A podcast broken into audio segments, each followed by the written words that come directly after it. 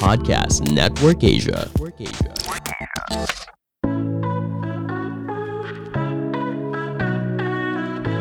Selamat datang di AS Talk. Anissa Steviani Talk, podcast mingguan. Temanmu berbagi cerita seputar parenting, keuangan, dan perempuan yang relatable dan semoga bisa mencerahkan. Karena setiap cerita pasti punya makna.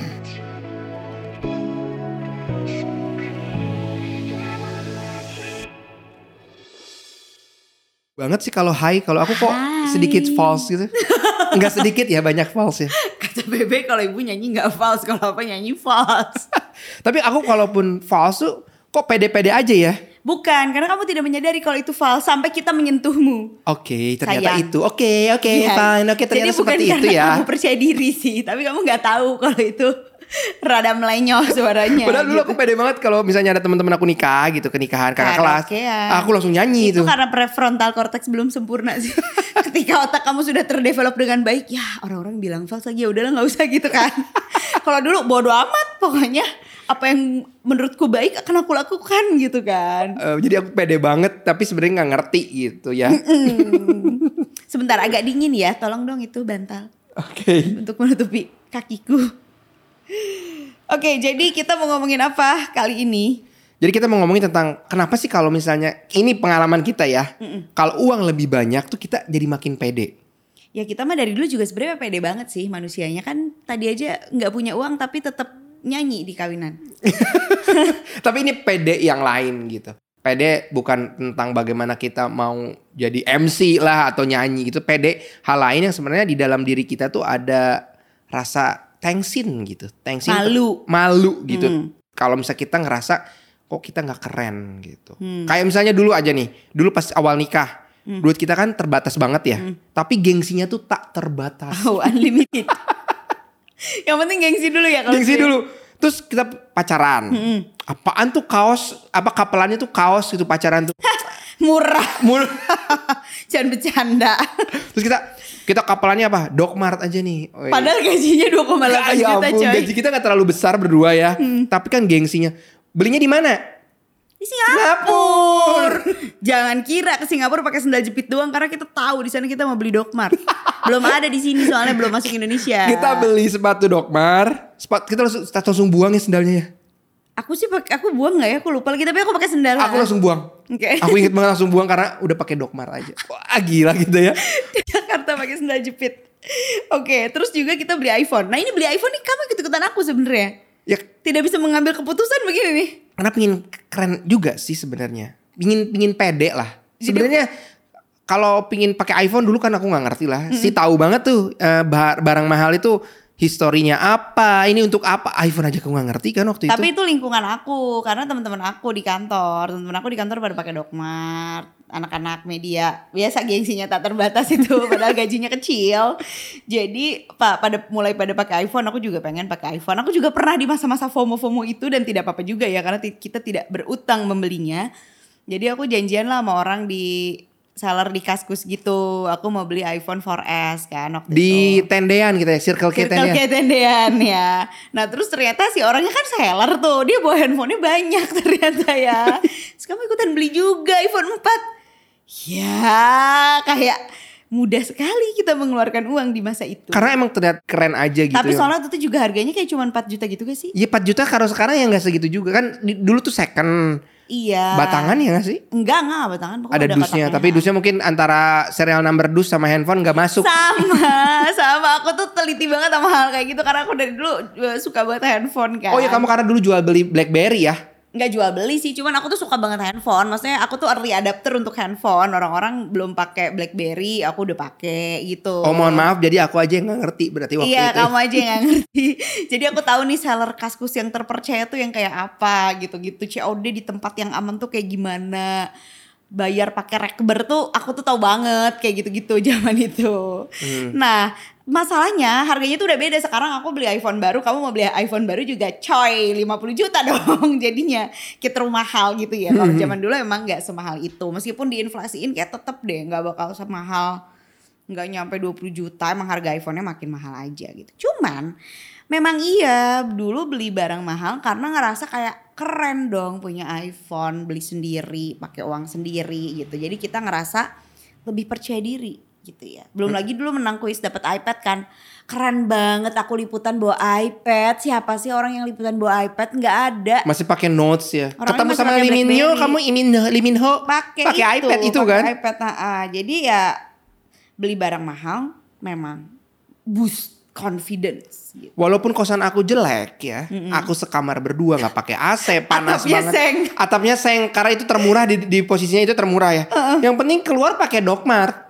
Hmm, beda Kak, sih. Kan orang lihatnya bukan kosannya gitu kan kalau Iya, di mall, tapi lihat sepatu akunya, handphone akunya. Itu kayak bercandaan itu sih bercandaan ih pacaran eh, pacarnya jelek mobilnya keren emang di mall yang ditenteng mobilnya Wow, itu kan berarti emang concernnya tuh adalah apa yang dibawa ya, apa yang dilihat. Mungkin umur-umur segitu memang masih ke situ kali ya, arahnya gitu. Ya pingin kelihatan keren. Dulu tuh kalau pingin kelihatan keren kan kalau misalnya ke mall aja kan. Kalau sekarang kan di sosial media kan makin sebel ya. Makin makin apa ya? Pingin kelihatan kerennya tuh makin lu tempat tidak tidak melihat tempat lah. Kalau Iya, dulu pingin kelihatan keren di eh, di tempat umum. Ha-ha. Kalau sekarang di rumah pun harus kelihatan keren. rumahnya jadi harus estetik ya. Wah. Asli itu berat banget sih ya tren rumah estetik ya. Maksud aku aku tuh nggak masalah rumah aku tidak estetik kan. Ya udah yang penting bersih aja nggak ada kecoa gitu ya. ya maksudnya bersih lah gitu nggak bau dan ya enak lah gitu rumahnya. Tapi ketika ada momen-momen aku harus posting sesuatu yang rumahnya kelihatan tuh jadi pressure gitu. Kenapa ya rumah aku nggak estetik? Ya padahal kenapa ya harus estetik gitu? Kalau dipikir-pikir ya. Tapi karena tadi bahwa ada apa Standar ya standarisasi berbeda, ya. ya. standarisasi level keren tuh gini dan kita juga pengen lebih keren dong dari dari orang Ya at lain. least sama kerennya Sama lah gitu. bener minimal. Kayak kemarin tuh aku bikin uh, video di kamar mandi. Menurut aku kamar mandi kita fine aja, nggak jelek dan nggak jorok-jorok banget gitu ya. Bagus-bagus aja gitu. Cuman pas aku video tuh kayak, ah, aku gini doang sih kok pengennya cerminnya tuh ada frame-nya kayak Alah repot banget. Udahlah cuman buat Instagram doang ya. Aku tidak jadi membeli cermin juga. Aku menerima keadaan bahwa nggak apa-apa nggak perlu estetik gitu. Orang juga melihat. Dan ini tuh bukan apa adanya loh.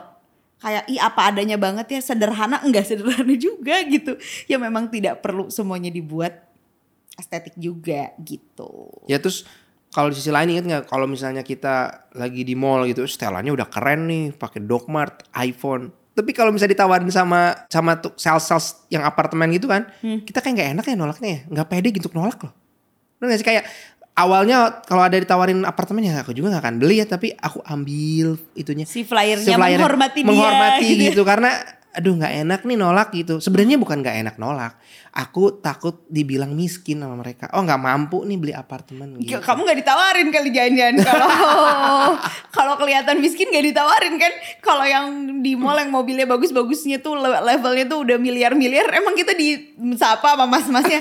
Enggak tuh enggak. tapi kan sepatunya bagus tuh Kalau levelnya masih kayak uling gitu kita disapa tuh sama mas-mas salesnya. Kalau level mobilnya udah yang kayak Pacific Place gitu kayak nggak ditanya tuh kita emang dianggap nggak mampu sama mas salesnya juga. even untuk hal-hal yang memang apartemennya murah gitu yang termasuk murah gitu tanda kutip Hmm. murah terus uh, mobil-mobil yang nggak bukan yang mewah gitu Hmm. kita juga nolaknya tuh nggak enak ya Aku lupa ya, cuman waktu itu sih hmm, aku lupa aku nggak enak nolak atau enggak. Cuman kayaknya dulu aku menghormati masnya aja sih kalau flyer apartemen kayak kesian dia lagi kerja, ya udah kita ambil aja gitu. Setelah aku concern bahwa itu menyampah dan tidak perlu aku ambil karena tidak akan aku baca juga, jadinya aku berani untuk nolak gitu. Oh ka- kamu nolak karena memang concern tentang sampah dan lain sebagainya ya Iya. tapi kalau aku concernnya nggak enak aja dipikirinnya oh ini miskin emang sih miskin gitu tapi Mungkin karena kamu backgroundnya miskin sih.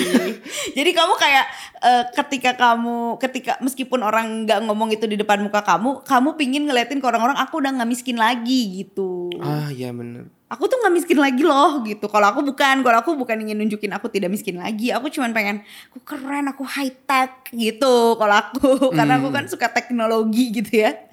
Terus kalau misalnya di apotek tuh di Watson lah Guardian gitu kita nyari vitamin gitu vitamin C aja gitu terus si ada sales salesnya gitu yang ini nih dia nawarin kita ke yang mahal-mahal tuh rak yang mahal Aduh, nolaknya tuh nggak enak banget ya. Nolaknya tuh yang kayak kita malah suka jadi pura-pura nggak dengar terus kayak enggak Weh, gini aja gitu. Hmm. Dan sebenarnya aku notice juga karena kita ngomonginnya baju ya.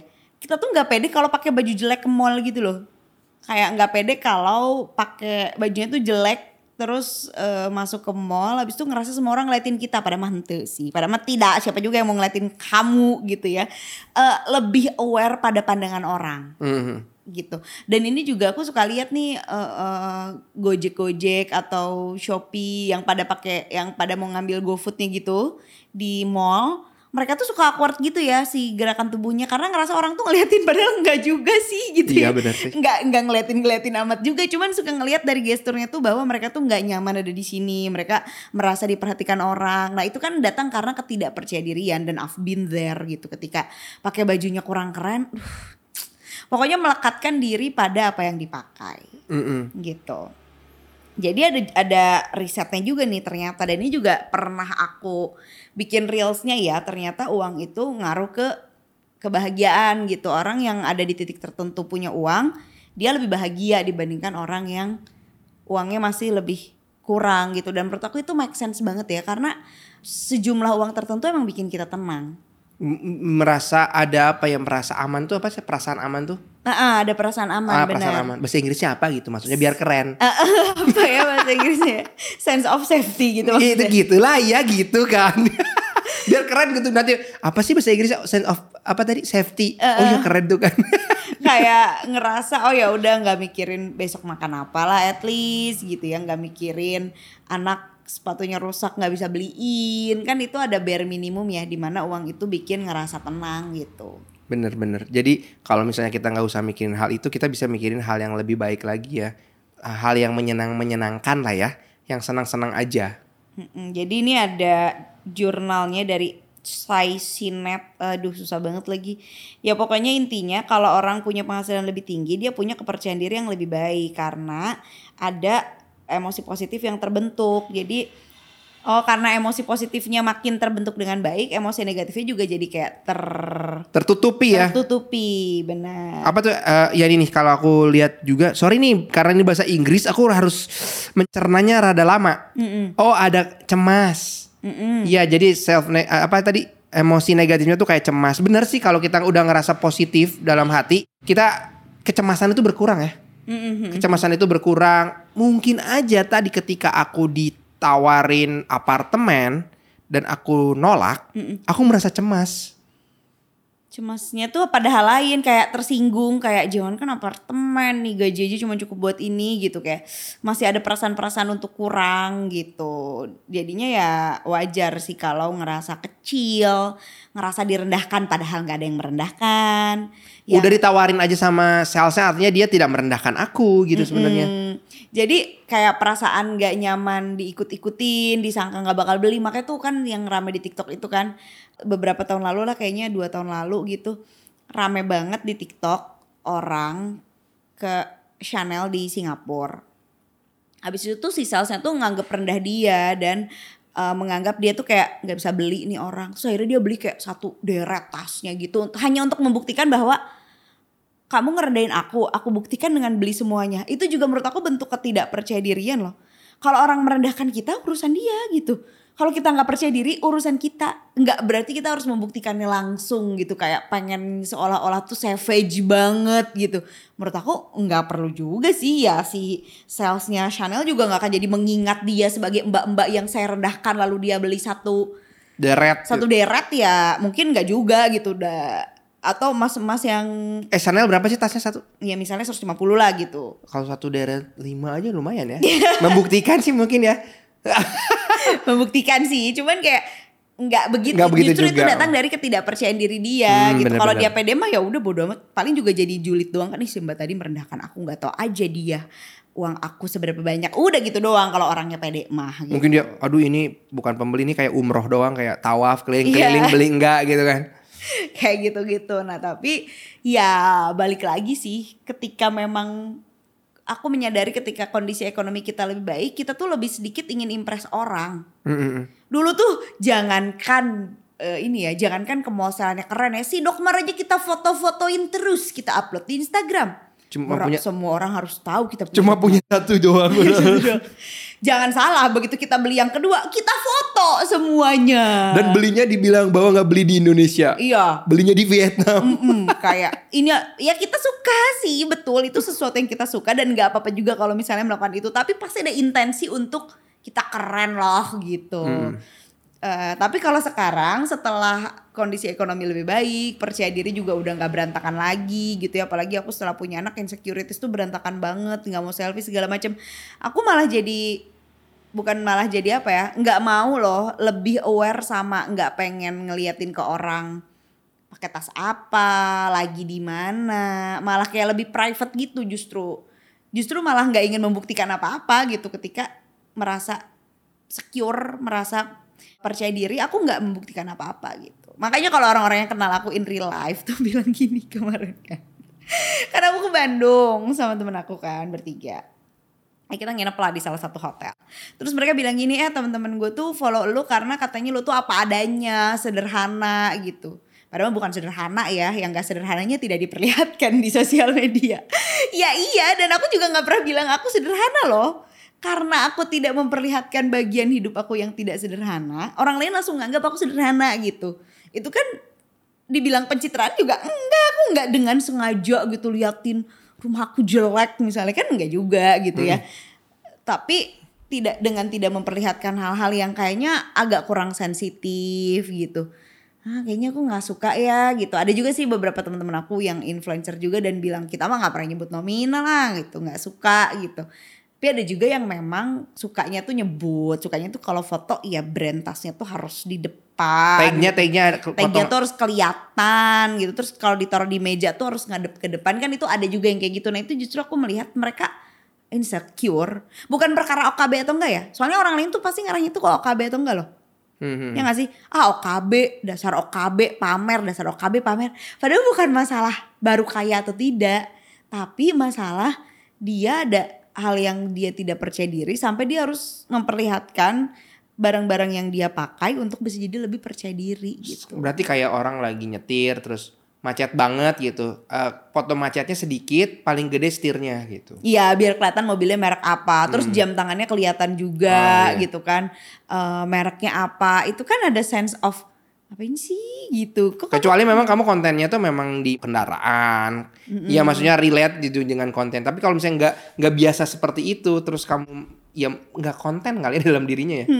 Dia bikin konten tapi nggak ngon- hatinya nggak ada nggak konten. Iya, iya jadi kayak ya itulah pokoknya mungkin kan juga udah ngerti ya maksudnya apa gitu. Semakin orang banyak memperlihatkan sesuatu, semakin terlihat bahwa dia tidak percaya diri gitu. Dan aku juga menyadari ini sih ketika aku over explaining sama sesuatu, itu pasti aku nggak percaya diri nih, agak nggak percaya diri sama argumen aku biasanya gitu ya.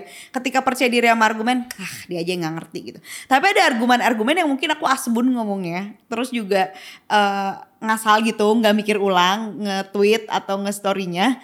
Terus pas orang berargumen yang kontra sama aku, aku jadi kayak aku harus explain lagi, aku harus explain lagi, aku harus explain lagi. Oh berarti aku nggak percaya diri tuh sama si argumen yang awal. Gitu. Begitu juga dengan masuk apotek tuh itu masuk apotek bener-bener hal yang ini banget sih menunjukkan kepercayaan diri banget gitu. Dulu tuh ragu banget kayak misalnya masuk eh, Guardian, masuk Century gitu ya. Karena mbak-mbak salesnya kan agresif sekali iya gitu bener. ya. Dia kayak tinggi banget itunya sih. Apa namanya goals penjualannya. KPI-nya. KPI penjualannya. Ada perasaan gak nyaman gitu. eh iduh diikut-ikutin Bamba Sales ini. Tapi ketika uang kita udah lebih cukup dan udah lebih nyaman hidup kita. Kita tuh bisa nolak mereka dengan kayak nggak mau ambah mahal. Yang lebih murah aja gitu. ada Oh, oh. sih orang-orang katanya ya. Ada orang-orang yang eh, pada saat nggak punya uang bilang gitu sama Berarti udah bagus tuh berarti percaya dirinya percaya kan. diri banget gitu. Kalau aku dulu nggak punya uang, tapi bahkan malu untuk bilang nggak mau ah, mahal mbak. Ah jangan ah mahal gitu, yang murah aja gitu nggak berani dulu bilang gitu karena kayak kalau aku bilang gitu nanti aku disangka nggak punya uang dan padahal memang iya gitu. Hmm. Padahal sekarang punya sih uangnya, tapi kita pingin lebih wise ya untuk ngeluarinnya gitu. Jadi pas ini ah enggak itu mahal lah, aku pingin yang sama ingredientsnya gitu Heeh, ya. Yang lain mbak gitu kan lebih berani gitu Terus kan. dia mereka juga willing tuh nunjukin. Mereka juga biasa aja. Oh biasa aja ya udah. So ada akhirnya WhatsApp juga minta nomor WhatsApp terus nawarnya ke WhatsApp juga ya.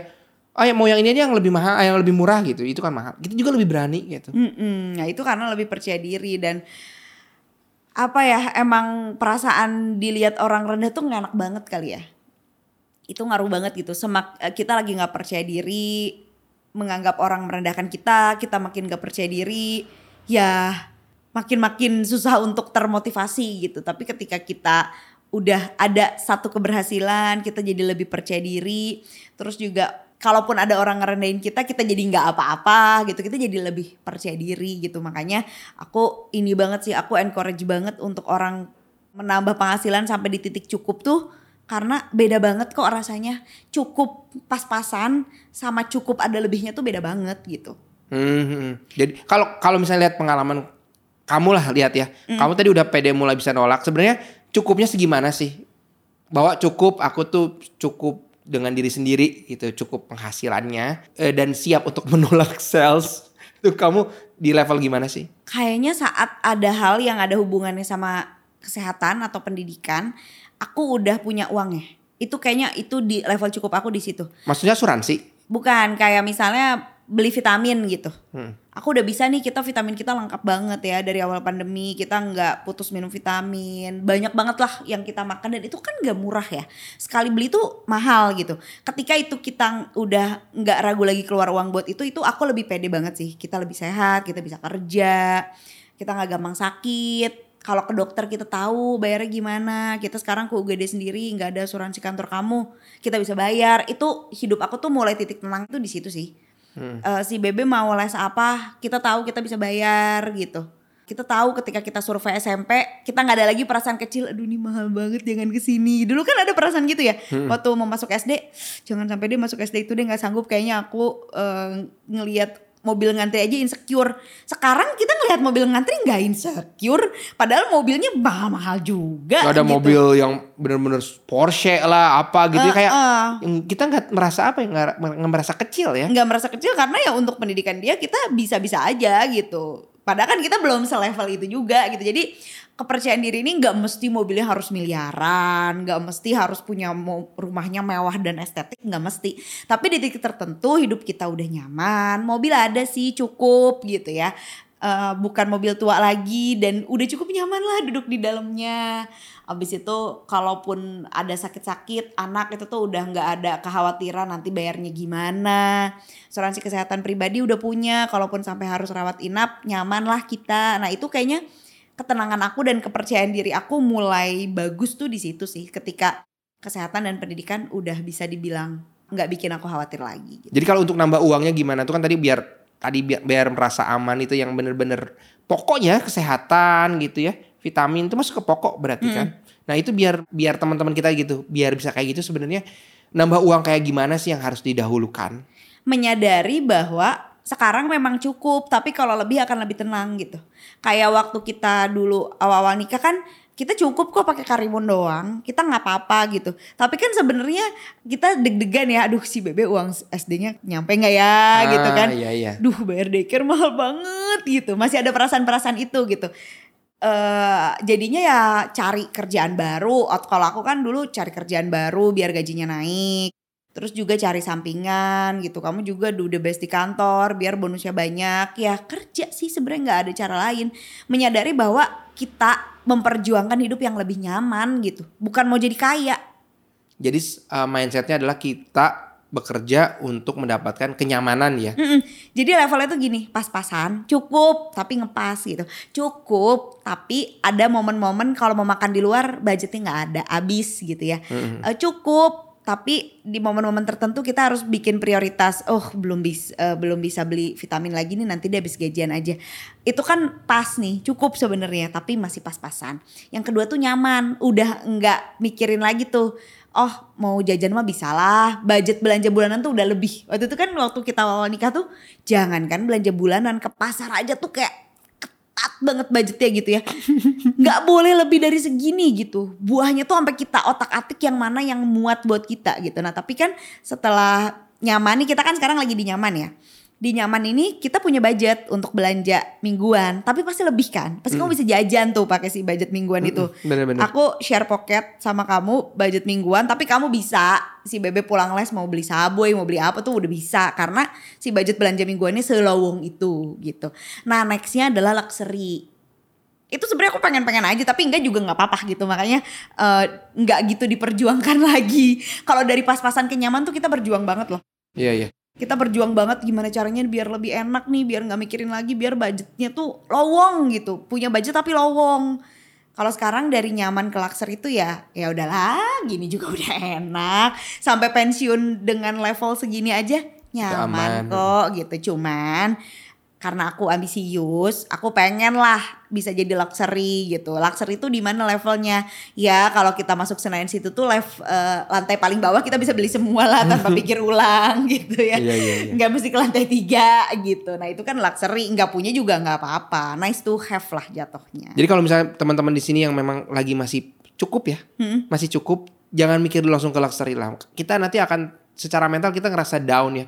Aduh ke luxury jauh banget. Ya ke ke next levelnya dulu aja. Nyaman. nyaman gitu. Kalau misalnya belum belum dinyaman masih pas-pasan, uh, pas-pasan lebih dikit gitu.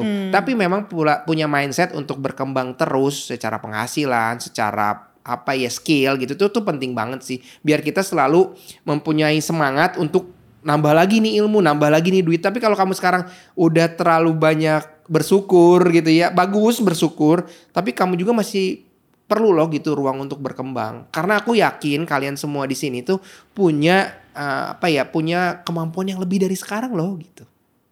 Iya iya benar-benar. Jadi em gak goalsnya tuh nggak mesti jadi kayak artis-artis gitu ya. Goalsnya nggak mesti kayak selebgram yang ya ampun rumahnya tuh kayak gak kebayang ke orang bisa ya rumahnya kayak gitu. Aku aku aja tuh kayak gitu loh karena kan kita tuh bener-bener merangkak ya. Kita tuh bener-bener dari gaji UMR bersama beli iPhone aja tuh kayak nabung banget sampai pelan-pelan punya kehidupan baik, punya kehidupan baik. Jadi kan bisa dibilang ya kita eh, hidup nyaman ini tuh setelah enam tahun lah kayaknya financial planning gitu. Ini tahun ke-10 kita, jadi baru empat tahun yang lalu lah kita hidupnya nyaman. Jadi untuk bisa ke luxury juga mungkin masih 10 tahun lagi dan ya udah nggak apa-apa juga gitu. Orang kayaknya bakalan mikir eh, wah pasti tabungannya banyak. Ya enggak juga sih, dah kita juga merangkak dari bawah gitu. Enggak tiba-tiba jadi jreng jreng jreng jreng jreng enggak tiba-tiba langsung banyak apalagi nggak dimodelin orang tua ya berusaha sendiri gitu ya kita pada umumnya aja gitu. Jadi kita ngerasa mulai nyaman banget ya sejak pandemi mulai ya. Artinya ya mungkin tiga tahun. Sebenarnya kalau uh, secara itu ya dua tahun ya. Uh, mulai nyaman, mulai nyaman banget gitu. Dulu nyaman, tapi sekarang tuh nyaman banget ya sekitar dua tahun. Terus kalau bilang tabungannya banyak. Ya enggak juga kita baru dua tahun loh nabung gitu. banyak bangetnya Heeh. gitu ya. Bener dan waktu itu aku pernah live kan sama eh, Teh Wina ya Ligwina Hananto. Dia bilang gini konten lu tuh relate relate makanya orang tuh suka sama konten aku. Sebenarnya tuh bukan relate teh aku bilang. Bukan relate tapi aku juga mengalami itu gitu. Aku juga mengalami nggak bisa beli vitamin aku juga mengalami berat banget bayar daycare mengalami berantem nih berdua gara-gara menurut kamu daycare terlalu mahal gitu aku aku mengalami apa yang orang Indonesia pada umumnya alami gitu. Kita Jadi, berdua ya, kita mengalami bener, itu bener. gitu. Kita nggak kita nggak apa ya, nggak yang berbeda.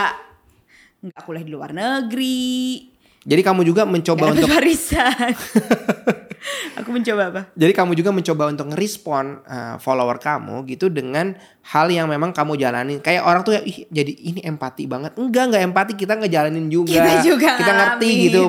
Kita ngertiin perasaan kamu bukan berempati, kita juga ngalamin. Oh binder Binder ya soalnya. kayak gitu. Jadi kalau misalnya sekarang di sekarang kamu ngerasa bahwa wah sosial media ini penuh tekanan nih, terus kamu ngelihat terlalu tinggi, terlalu luxury, coba deh di unfollow unfollow gitu yang orang yang seperti itu Karena minoritas. Karena itu bener minoritas sih ya. Tapi kita ngerasa bahwa itu mayoritas. Coba yang follow kita sama follow Raffi Ahmad pasti kan banyak Raffi Ahmad ya. Padahal Raffi Ahmad itu minoritas banget ya. Jadi kalau misalnya kamu ngerasa pingin kayak langsung kayak Raffi Ahmad ya kalau merangkak dari bawah ya memang rada sulit ya. Raffi Ahmad mulai kerja aja dari SMP loh dia. Ija Raffi Ahmad banget lah artis soalnya. Banyak banget nih selebgram yang kita nggak tahu kerjanya apa. Ya dia endorse-endorse sih di Instagram, tapi kayak cuma gitu doang. Tapi kok enak banget ya hidupnya. Pagi-pagi bikin smoothies, habis itu yoga pakai personal trainer di rumah, jemput anak sekolah pakai supir, terus rumahnya tuh mewah banget. Kerjanya apa sih? Ya, pertama, mungkin memang lahir dari keluarga kaya. Rumahnya juga mungkin dibeliin orang tuanya. Punya kan bisnis yang udah settle. punya bisnis yang udah settle atau enggak mungkin eh, keluarganya memang pengusaha suaminya ngelanjutin usaha keluarga itu tuh banyak banget kemungkinan-kemungkinan kayak gitu yang mana tetap balik lagi minoritas gitu. Kayak ada seleb TikTok yang rumahnya bagus banget gitu ya. Terus dia bilang bisa bangun rumah sendiri di umur 22 atau berapa gitu. Nggak diceritain tuh yang beliin tanahnya siapa. Kan berarti kan bukan dia yang beli kan dia bilangnya bangun rumah dari ini tanahnya udah ada. Tanahnya yang beli siapa gitu. Nah itu biasakan melihat history dari Hmm. sebuah kekayaan gitu Nah, kalau misalnya menurut tadi sih kalau udah mulai toxic dan kamu ngerasa wah coba deh follow yang memang uh, mau Berjuang. berjuang terus misalnya kamu kan pas-pasan, cari deh uh, apa ya orang yang memang udah pas-pasan lebih dikit. Jadi kamu akan ke bawah gitu vibesnya ya ke arah situ. Nanti kalau kamu udah pas-pasan cukup, carilah pas-pasan yang nyaman siapa gitu. Biar kamu juga ke terinfluence dan juga kamu ngerasa nyaman di sama diri kamu sendiri. Karena kalau misalnya kamu lihat terlalu tinggi banget, kamu juga kayak ngera- nggak ngerasa nyaman sama diri sendiri dan makin insecure makin insecure, makin ngerasa bahwa ah kayaknya nggak mungkin deh, nggak mungkin ya. Padahal mungkin aja, tapi kan memang harus step by step by step. Yap, begitu. Semoga menjadi semangat bekerja, menjadi semangat menambah penghasilan, menambah skill baru, Mm-mm. Supaya uangnya banyak. Ya, 2003, 2023 menuju kaya. kaya lagi nih. Ya kan kaya beda-beda ya definisinya ya. Yang penting nyaman, oke? See you. Si aku JG. Bye, stay, Bye bye.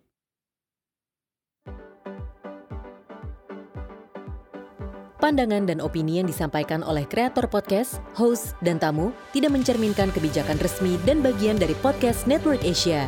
Setiap konten yang disampaikan mereka di dalam podcast adalah opini mereka sendiri dan tidak bermaksud untuk merugikan agama, grup etnik, perkumpulan, organisasi, perusahaan, perorangan, atau siapa pun dan apa pun.